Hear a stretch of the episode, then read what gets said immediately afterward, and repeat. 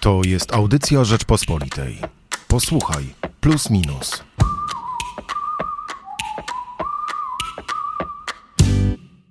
Witam Państwa ten upalny, miejmy nadzieję, ostatni tak upalny dzień w najbliższym czasie. Ja nazywam się Michał Płociński i oczywiście dzisiaj porozmawiamy o najnowszym wydaniu naszego magazynu. W plusie minusie przyjrzeliśmy się tym razem nieoczekiwanym skutkom rosyjskiej agresji, choć można by już powiedzieć nawet wojny światowej, mm, bo w końcu Władimir Putin doprowadził do tego, że cały świat musiał się opowiedzieć albo po jednej, albo po drugiej stronie, albo chociaż myśleć o tym, jakie skutki w przyszłości e, ta agresja rosyjska na Ukrainę przyniesie dla nich. I już od razu musieli wymyśleć jakieś e, taktyki. W tym temacie trzy teksty. Grzegorz Lewicki pisze o Stanach Zjednoczonych, które wracają do Śródziemia.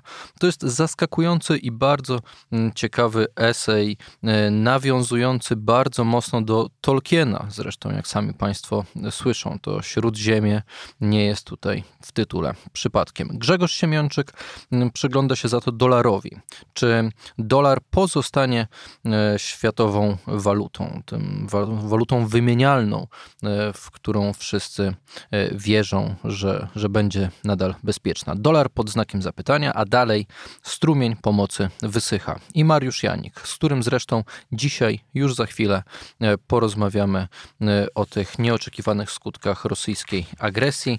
On w najnowszym plusie minusie przygląda się temu, czy Zachód dalej będzie w stanie wspierać, tak jak do tej pory, globalne południe i jak będzie w przyszłości wyglądała nasza polityka pomocowa. Ale polecę Państwu jeszcze na pewno Tomasza Terlikowskiego. Tekst pod tytułem To jeszcze nie koniec nawiązuje do tego, co dzieje się i co wydarzyło się niedawno w Stanach Zjednoczonych. Chodzi oczywiście o wyrok e, Sądu Najwyższego USA, e, który no, mówiąc e, wprost, unieważnił słynny wyrok Roe versus Wade sprzed niemal 50 lat. Aborcja nie będzie teraz prawem federalnym, tylko każdy stan będzie decydował, e, czy aborcja jest legalna, na jakich zasadach, czy nie jest i tak dalej. I w Stanach Zjednoczonych od kilku tygodni, nawet jeszcze przed tym wyrokiem, mamy do czynienia z olbrzymimi protestami. Tomasz Terlikowski e, pisze, że działacze proaborcyjni spróbują odwrócić e, wzrok od tego wyroku i spróbują nawet odwrócić potem ten wyrok. E, ale i dla środowisk pro-life decyzja sędziów nie oznacza zakończenia ich walki. Tyle, że postawę za życiem powinni rozumieć szerzej niż tylko sprzeciw wobec aborcji. I polecę Państwu jeszcze na pewno Piotra Zarębę, który przygląda się e, no, w tej chwili chyba najgłośniejszemu politycznemu nazwisku w Polsce. Mariusz Błaszczak. Kim jest minister, który jako minister jest oceniany bardzo dobrze, ale raczej trudno znaleźć kogoś, kto by mm, wiarygodnie mm, przedstawił argumenty, że ma charyzmę, polityczną śmiałość i prawdziwą polityczną przyszłość przed sobą. Mimo to jest ciągle przez różnych ekspertów i także przez polityków PiSu rozpatrywany jako kandydat na premiera, a to, jak pisze Piotr Zaręba, wiele mówi o kryteriach awansu w partii Jarosława Kaczyńskiego. Tytuł zdradza dużo, za duży garnitur. Bardzo zachęcam do przeczytania tekstu o Mariuszu Błaszczaku. Jędrzej Bielecki był w Buenos Aires e, i, e, jak to się mówi, wszystko mu się tam kojarzyło z jednym. Napisał reportaż, ale przy okazji przestrogę pod tytułem Nie hodujmy polskiego perona. I jeszcze mogę Państwu polecić tak na osłodę, bo miejmy nadzieję, że rzeczywiście już jutro od soboty przyjdzie taka pogoda, że będzie można wyjść na zewnątrz, usiąść sobie gdzieś w parku i spokojnie poczytać o kulturze. A Rafał Glapiak przyjrzał się filmowym frustracjom Elvisa Presleya. Oczywiście punktem wyjścia do e, tego e, przyglądnięcia się jest film Elvis, który wszedł miesiąc temu e, także na ekrany polskich kin, ale Elvis i kino wiele razy spotykali się w różnych miejscach, a czasem powstawały filmy jak teraz o Elvisie bez Elvisa, albo filmy ewidentnie inspirowane Elvisem, jak Grease. No przecież jeden z najważniejszych musicalów w historii kina. To teraz porozmawiajmy sobie o nieoczekiwanych skutkach rosyjskiej agresji, a jeszcze zdradzę Państwu, że niestety ta fala upałów, która w tej chwili się przetoczyła i przypominająca nam, że przyszło już lato, wręcz, że lato jest w pełni, mm, pokazuje też, że zbliża się okres urlopowy. I my w e, podcaście Posłuchaj Plus Minus też taki okres urlopowy będziemy mieć. Nie będziemy się z Państwem słyszeć przez e, dwa miesiące, wracamy dopiero 8 września, ale to nie znaczy, że nasz magazyn oczywiście nie będzie wychodził w papierze, a także teksty nie będą pojawiać się na stronie www.rp.pl. Co tydzień oczywiście zachęcam Państwa do sięgnięcia po plusa minusa, ale usłyszymy się dopiero za dwa miesiące. Plus minus. A ze mną jest już Mariusz Janik. Dzień dobry. Dzień dobry. Dziennikarz działu ekonomicznego Rzeczpospolitej. Złapałem się, bo chciałem powiedzieć działu zagranicznego Rzeczpospolitej, ale to nie jest przypadek. Przez lata pracowałeś w działach zagranicznych. Więc e, niech Państwa to nie e, zmyli z tropu, że z ekonomistą będę rozmawiał e, teraz na tematy polityczne, bezpieczeństwa i tak dalej, bo przez lata tym się właśnie Mariusz Janik zajmował. Porozmawiamy o zaskakujących efektach agresji Rosji na Ukrainę, na przykład o tym, o czym się mówi od miesięcy, no już trzech, czterech miesięcy, o tym, że Putin nieoczekiwanie zjednoczył Zachód. No, my się w magazynie Plus Minus przyglądamy temu trochę dokładniej, bo przecież to nie jest tak, że Zachód rzeczywiście dzisiaj jest zupełnie zjednoczony. Co to znaczy, że, że Putin jednoczy Zachód? Przecież Francja i Niemcy ewidentnie są w opozycji pod wieloma względami względem Stanów Zjednoczonych. Stanom Zjednoczonym zależy na tym, żeby Ukraina e, jak najdłużej walczyła z Rosją i żeby wręcz wygrała. Tu możemy tylko dyskutować, co to, czym jest takie zwycięstwo, e, co, co zakładają Stany Zjednoczone, żeby wygrała z Rosją, a jednak Francja i Niemcy dążą do tego, żeby ta wojna jak najszybciej się zakończyła. Czyli mamy tu jakieś jednoczenie się Zachodu, czy nie mamy?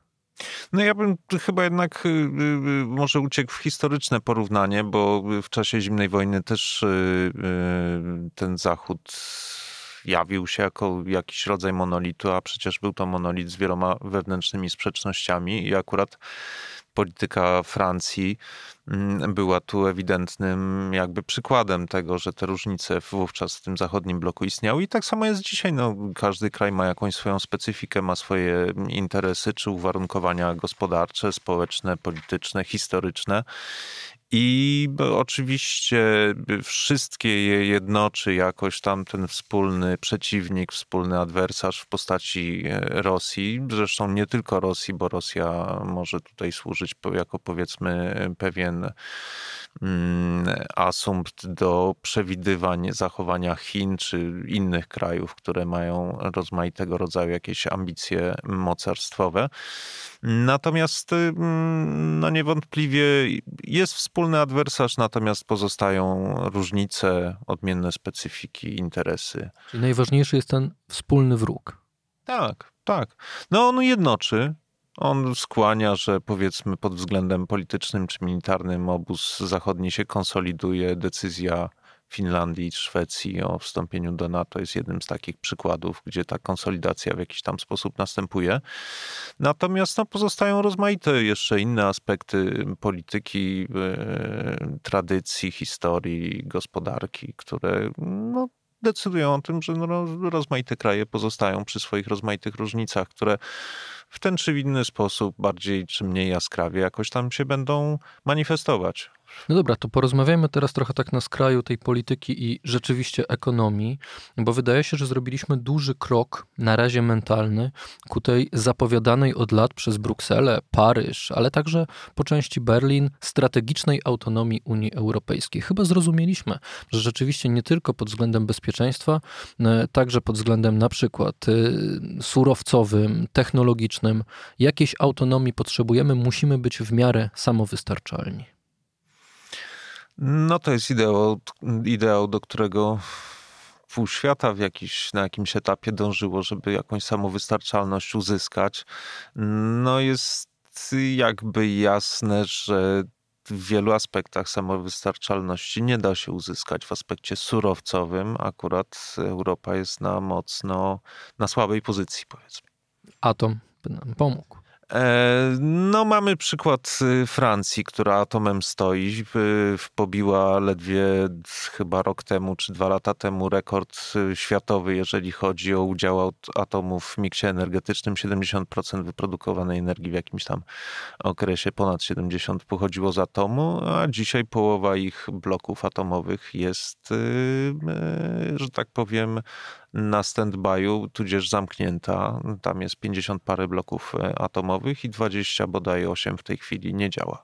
Czyli co, będziemy szli y, w stronę zielonej rewolucji? Ta zielona rewolucja przyspieszy, bo zauważyliśmy, że musimy być bardziej samowystarczalni energetycznie? No jeżeli patrzymy w y, kryteriami właśnie samowystarczalności tego, żeby nie zależeć od jakiegokolwiek innego kraju, no niestety kraje, które w większości kraje, które dostarczają surowców na rynki, to nie są kraje Mm, które, mm, o których moglibyśmy powiedzieć, że absolutnie im ufamy i, mm, i, i, popieramy wszystko, co się tam dzieje.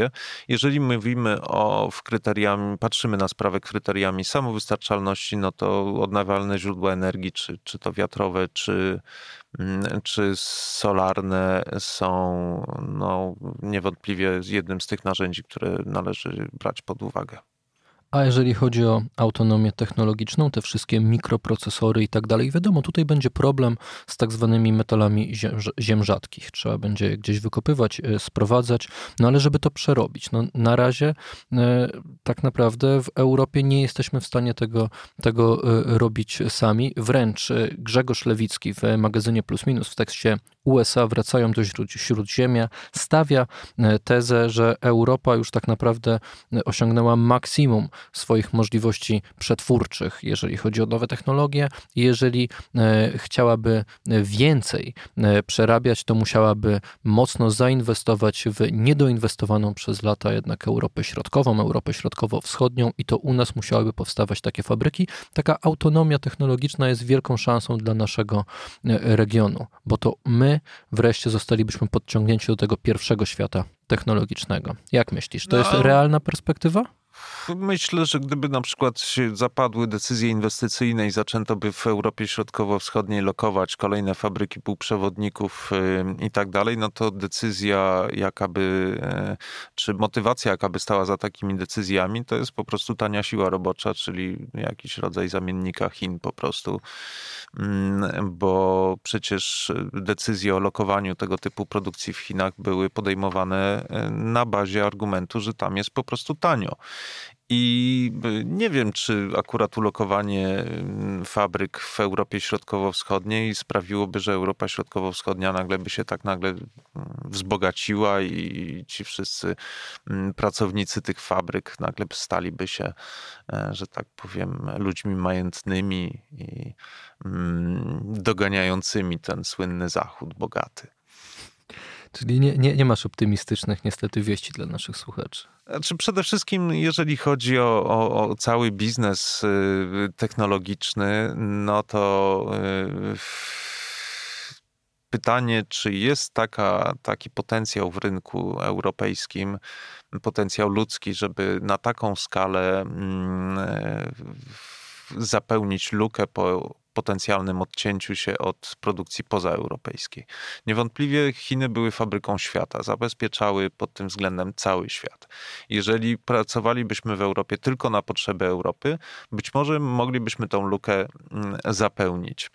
E, ale to jest proces, który wymagałby czasu, no bo te wszystkie fabryki, tą, technologię należałoby przenieść, fabryki wybudować, znaleźć ludzi, zatrudnić, być może część wyszkolić, więc to są lata na przygotowanie takiego reshoringu, bo to był taki, tak się o tym mówiło kilka lat temu, że dochodzi do reshoringu, czyli powrotu inwestycji z Chin na przykład do Ameryki czy do Europy.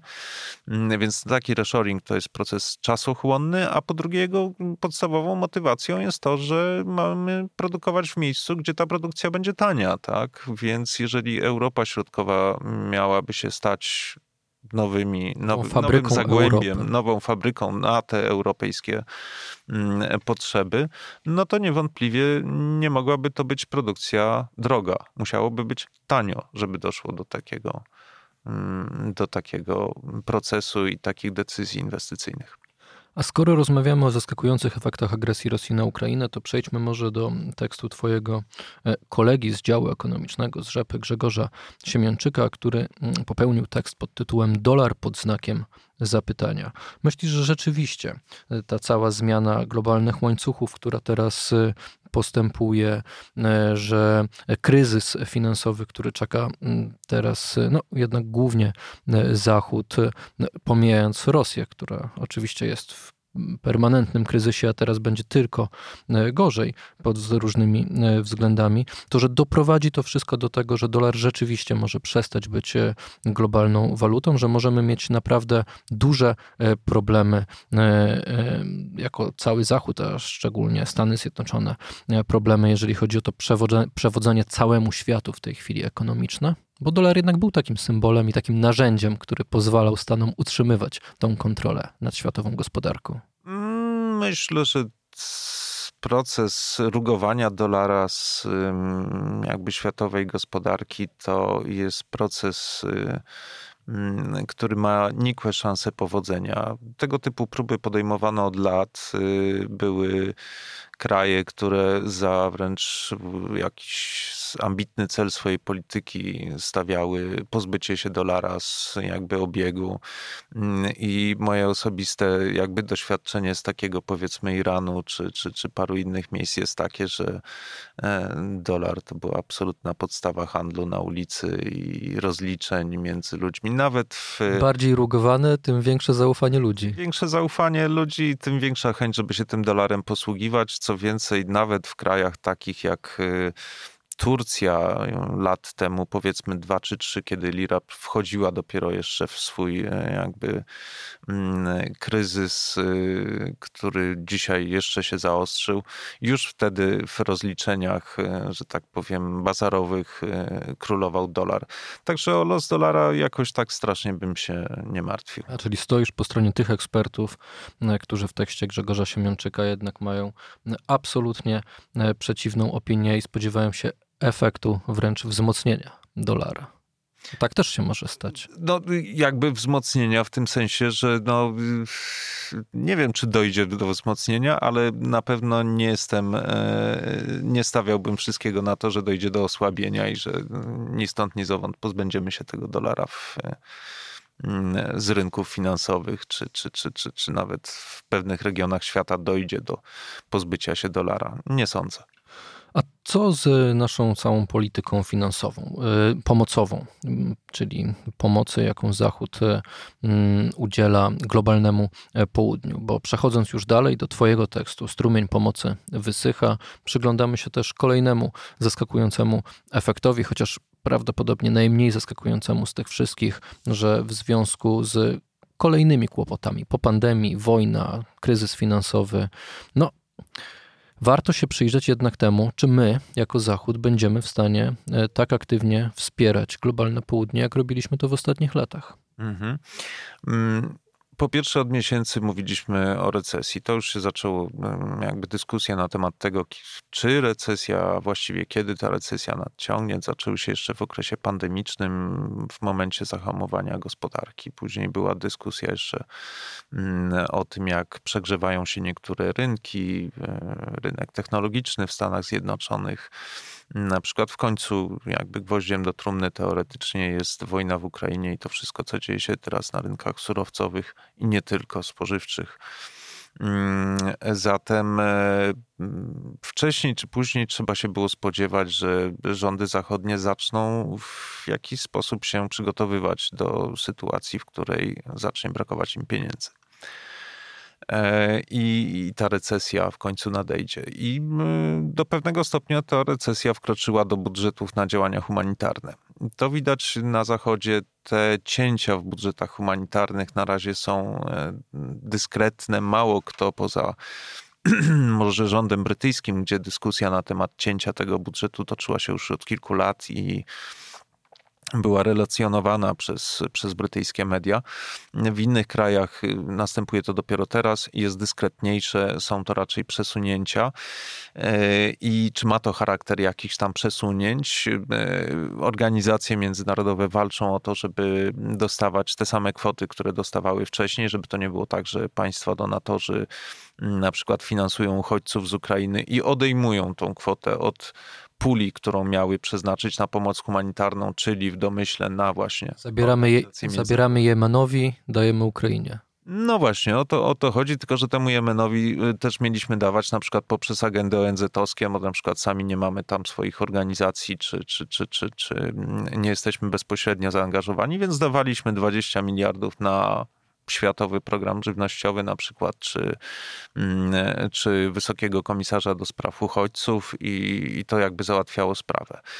I teraz w obrębie tych budżetów dokonuje się rozmaitych jakichś tam przesunięć. No, Brytyjczycy dosyć wprost wyłożyli pewną filozofię, która być może stanie się obowiązującą prawdą, że pieniądze na pomoc rozwojową czy humanitarną będą dostawać swoi swoi w tym sensie, że wracamy jakby po trochu do, e, do świata podzielonego na obozy. No i kto z nami współpracuje, ten będzie mógł liczyć na nasze wsparcie, a kto z nami nie współpracuje, no ten to wsparcie być może dostanie właśnie gdzieś za jakimiś ścinkami, które poprzez ONZ gdzieś tam spłyną. Jak trochę do tej pory działały Chiny.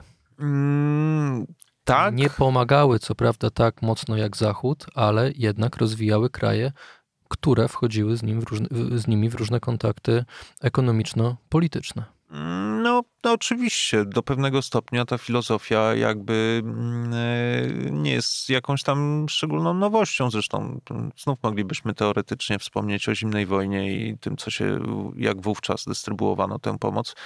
Natomiast y, niewątpliwie Chiny, mm, Chiny wchodziły też w miejsca mm, jakby, w których ich wcześniej nie było, nie współpracowały. One jakby składały ofertę, która była ofertą nie do odrzucenia łączoną. trochę. Nie, no łączoną. Ona była do odrzucenia, oczywiście. Ale wiesz, no były też kraje, które mm, e, jakby Chiny nie żądały też wyłączności wchodząc gdzieś. One toczyły pewien bój o lojalność i sympatię, zwłaszcza tych krajów gdzieś w trzecim, tak zwanym niegdysiejszym trzecim świecie, Afryka, biedniejsze regiony Azji czy Ameryka Południowa.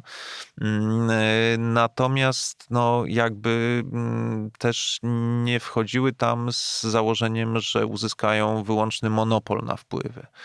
Mm, one wchodziły próbując wyszarpnąć jak najwięcej tych wpływów, oczywiście, i, i, i osiągając pewne założone swoje cele na danym terenie. Natomiast no, nie było to e, nie było to jakieś e, bierzesz od nas, to nie bierzesz od innych. No to jest kasus Sri Lanki, która jak wiadomo właśnie w ostatnich tygodniach zbankrutowała, a kredyty ma wszędzie, gdzie może. Od Banku Światowego przez Indię, Chiny. Indie zresztą z Chinami, w, na przykład w Afryce, bardzo mocno rywalizowały o te wpływy. I mówimy wciąż o regionach, które mm, po prostu zostały przez Zachód w jakiś sposób zlekceważone, zapomniane, miały jakieś zaszłości w, w relacjach z Zachodem.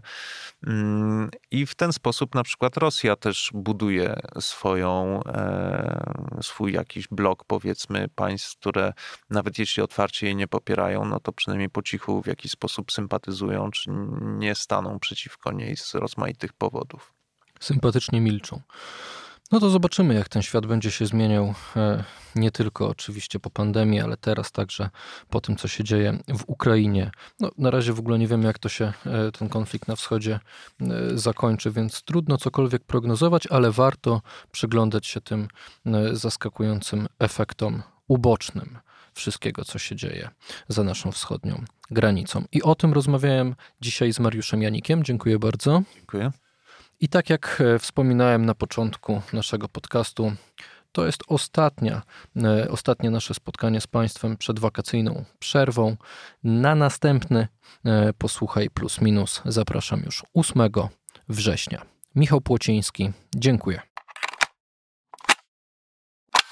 Słuchaj więcej na stronie podcasty.rp.pl. Szukaj Rzeczpospolita Audycje w serwisach streamingowych.